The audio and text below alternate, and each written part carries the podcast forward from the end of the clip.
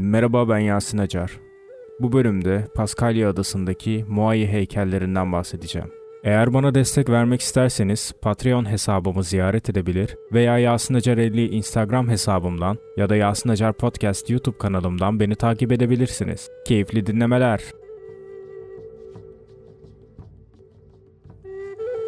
Dünyada üzerinde diğer yerleşim birimlerine en uzak olan Paskalya Adası, Pasifik Okyanusu'nun güneydoğusunda, insan yaşamının olduğu en yakın bölgeye 3200 kilometre uzaklıktadır. Ada üçgene benzer ve volkanik kayalardan oluşur.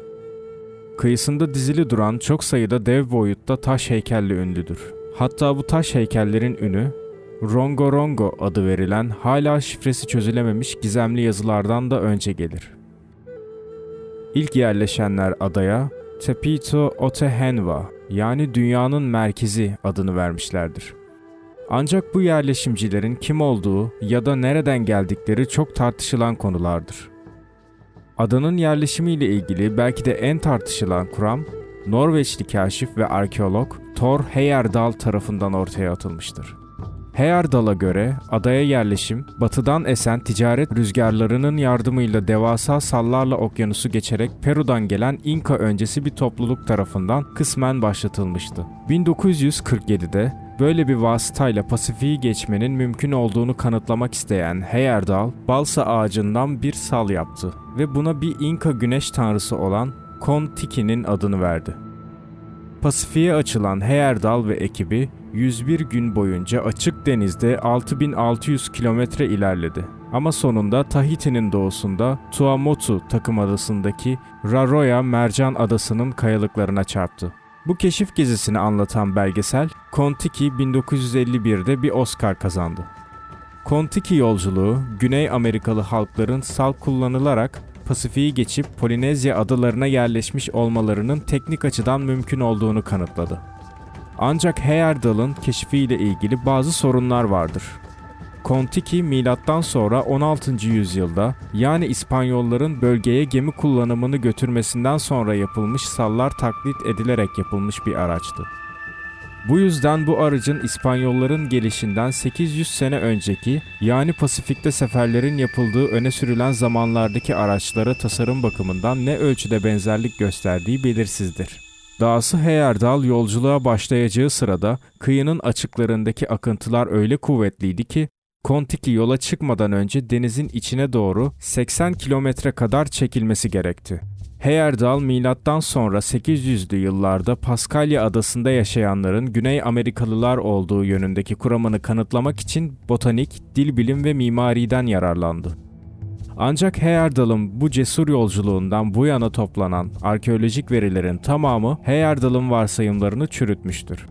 Zira Pasifik ötesi yolculukların yapıldığını öne sürdüğü tarihte adada yerleşim çoktan tamamlanmıştır. O halde Paskalya adasının ilk yerleşimcileri nereden gelmişlerdi? Uzak konumundan dolayı bu adaya yolculuk nereden yapılırsa yapılsın, binlerce kilometre açık denizde en az iki haftalık bir yolculuk demekti. Böyle bir yolculuğun yapılabilmesi akla tek bir ihtimali getiriyor. Denizci bir halk. Polinezya'daki halklar denizcilikte uzmandılar.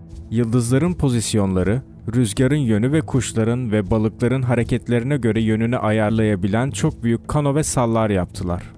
Dilbilimsel verilere göre Rapa Nui'ye milattan sonra 300 ve 700 yılları arasındaki dönemde tahminen Marquesas adaları ya da Pitcairn adasından gelen topluluklar yerleşmişti.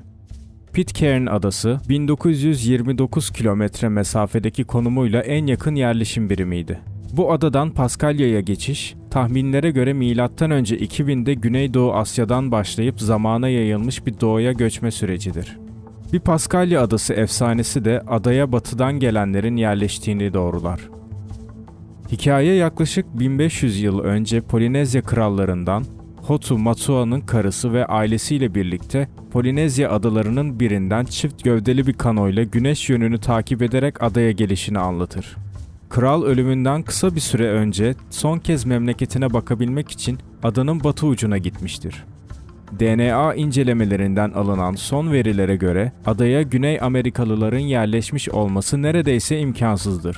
Paskalya adasındaki mezarlıklardan çıkarılan iskeletlerde Polinezya motifi denen genetik bir işaret bulunmuştur. Buna göre Paskalya adalılar, Güney Amerikalıların değil, Doğu Polinezya adalıların torunlarıdır. Paskalya adasının inanılmaz dev heykelleri yüzlerce yıldır keşifler ve arkeologlar arasında şaşkınlık yaratmaktadır. Adalıların Moai dedikleri bu heykellerden 900 kadar vardır. Heykellerin boyları ortalama 425 metre, ağırlıkları ise 14 tondur. İçlerinden en büyük olanları 21 metre yüksekliğinde ve yaklaşık 270 ton ağırlığındadır. Bu esrarengiz anıt sütunlar sertleşmiş volkanik küllerden yapılmıştı ve normale göre daha uzun insan başları, sivri çeneleri, iki kollarıyla kısa bir vücutları vardı. Yüzleri adanın içine dönüktü. Bu belki de ada halkını sessizce izlemek için düşünülmüştü. Heykellerden bazılarının gözleri ilk yapıldıklarında kırmızı ve beyaz taşlar ve mercanla renklendirilmişti. Ve bunlardan gözleri belli bir noktaya sabitlenmiş, günümüze kadar sağlam kalan bazı örnekleri bulunmaktadır. 887 heykelin yarısından çoğu adanın kıyılarında farklı noktalara dağılmıştır. Kalan Moai'ler ise hala yaptıkları taş ocağı olan, görünüşe bakılırsa heykellerin çok hızlı bir şekilde tamamlandığı Ranu Rarakuda'dırlar. Anıt sütunların çoğu Ahu denen törenlerde kullanılan yapıların üzerine dikilmiştir. Bu yapılar volkanik kara parçalarından oluşur ve içlerinde platformlar, yokuşlar ve plazalar bulunur. Ataları anmak için düzenlenen danslar ve törenler için kullanılan bu yapıların üzerine 15 kadar Moai heykeli yerleştirilmiştir. Moai'lerin çoğunun yapılması, bulundukları yere taşınması ve yerleştirilmesi milattan sonra 1100-1600 yılları arasında olmuştur. Bu dönemde ada oldukça ormanlık bir araziydi ve tahminen 9000-15 bin arası bir nüfusa sahipti. Hollandalı kaşif Jacob Roggeveen 1722 Paskalyasında şans eseri adayı bulduğunda heykeller hala sapa sağlam ayaktaydı. İngiliz kaşif ve haritacı Kaptan James Cook 1774'te adaya gittiğinde heykellerin çoğunun yerinde durduğunu gördü. Paskalya adasının en büyük sırlarından biri, ada halkının bu dev heykelleri taşıyıp yerine koymayı nasıl başardıklarıdır. Los Angeles'ta bulunan California Üniversitesi'nde Yo N. Van Tilburg, adada 15 yılı aşkın bir süre incelemelerde bulunmuş bir Polinezya çalışmaları uzmanı. Mevcut insan gücü, materyaller, kaya tipi ve en kolay taşıma yolları hakkında veriler içeren bilgisayar simülasyonunu kullanan Van Tilburg, heykellerin nasıl taşındığı konusunda inandırıcı bir hipotez oluşturdu. Buna göre heykeller önce tahta bir kızağa sırt üstü yatırılıp tahtadan yapılmış kano şeklinde bir merdiven üzerinde hareket ettirildiler. Tören alanına geldiğinde ise kızak yardımıyla kaldırılarak dik konuma getirildiler. 1999'da Van Tilburg ve 73 kişilik bir ekip büyük bir başarıyla bu kuramı test etti. Ve bu metodun heykellerin taşınması ve yerleştirilmesi ile ilgili en mantıklı öneri olduğu görüldü. Daha zor ve karmaşık bir soru ise Rapa Nui halkının neden bu dev figürleri yapma, taşıma ve yerleştirme gibi inanılmaz bir çabaya giriştikleridir. Paskalyalılar tahminen 18. yüzyılın sonları ya da günümüze daha yakın bir tarihe ait olan ve henüz şifresi çözülememiş Rongorongo yazısı hariç dinlerini ve Moailerin anlamını açıklayabilecek hiçbir yazılı kayıt bırakmamışlardır. Bu heykellerin saygıdeğer atalarını ya da yaşayan güçlü reislerini sembolize ettiği gibi birçok kuram ortaya atılmıştır. Onları yapanların güçlerini ve örgütlenmelerini temsil eden önemli bir statü sembolü olmaları da mümkündür. Van Tilburg'a göre bu figürlerin iki ayrı rolü vardı. Moailer reislerin kendi portreleri değil, önemli hükümdarların standartlaştırılmış tasvirleri ve aynı zamanda halk, hükümdarları ve tanrıları arasında bir ara bulucuydu. Bir zamanlar Paskalya adası sık palmiye ormanlarına sahipti. Ancak 1722'de Hollandalılar geldiğinde adada ağaç yoktu. Polenler üzerinde yapılan incelemelere göre M.Ö. 1150 sıralarında adadaki alçak arazilerde neredeyse hiç ağaç kalmamıştı. Ağaçlar yok olunca toprak erozyonu ortaya çıktı. Ve bu da adadaki imkanların nüfusa yetersiz kalmasını, yiyecek kıtlığını, iç savaşı ve sonunda Rapa Nui'nin çöküşünü beraberinde getirdi. Adadaki bazı bölgelerde yamyamlık yapıldığına dair kanıtlar bile vardır. Neticede kıyıdaki kutsal heykellerin hepsi kabileler arası savaşlar sırasında ada halkı tarafından yerleştirilmiştir.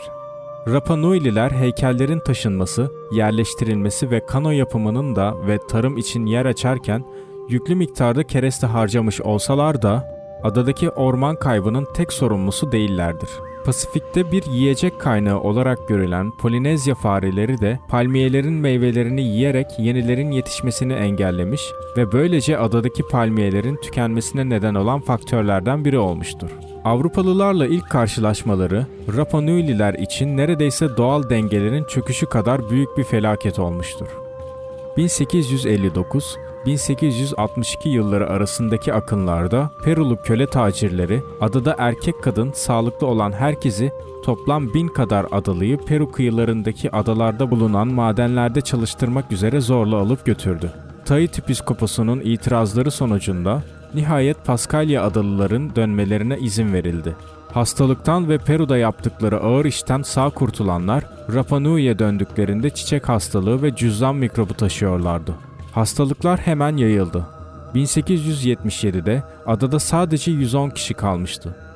Bu zorunlu nüfus azalması nedeniyle Paskalya adalıların sözlü tarihi ve kültürü trajik bir şekilde büyük ölçüde yok oldu. 1888'de ada Şili topraklarına katıldı ve böylece nüfus tekrar arttı. 1935'te Şili hükümeti Rapa Nui Ulusal Parkı'nı yapmasına rağmen adanın yerlileri başkent Hangaroa'nın dışında kenar mahallelerde yaşamaya zorlanıyorlardı. Çünkü adanın diğer kısımları koyun üretimi yapan çiftçilere kiralanmıştı. 1964'te bağımsızlık hareketi başladı. 80'lere gelindiğinde koyun üretimi durdurulmuş ve ada tamamen tarihi park ilan edilmişti. Nüfus 1992 yılında 2770 iken 2002'de 3791'e çıktı. 2017'deki nüfus verilerine göre bu sayı 7750'dir. Nüfusun çoğu başkentte yaşamaktadır. Resmi dil İspanyolca olmasına rağmen birçok yerli adalı Rapa Nui dilini konuşmaya devam etmektedir. Bu eşsiz ve gizemli kültürün vermiş olduğu önemli eserlerden dolayı 1995'te UNESCO Rapa Nui Ulusal Parkı'nı Dünya Miras Listesi'ne dahil etmiştir.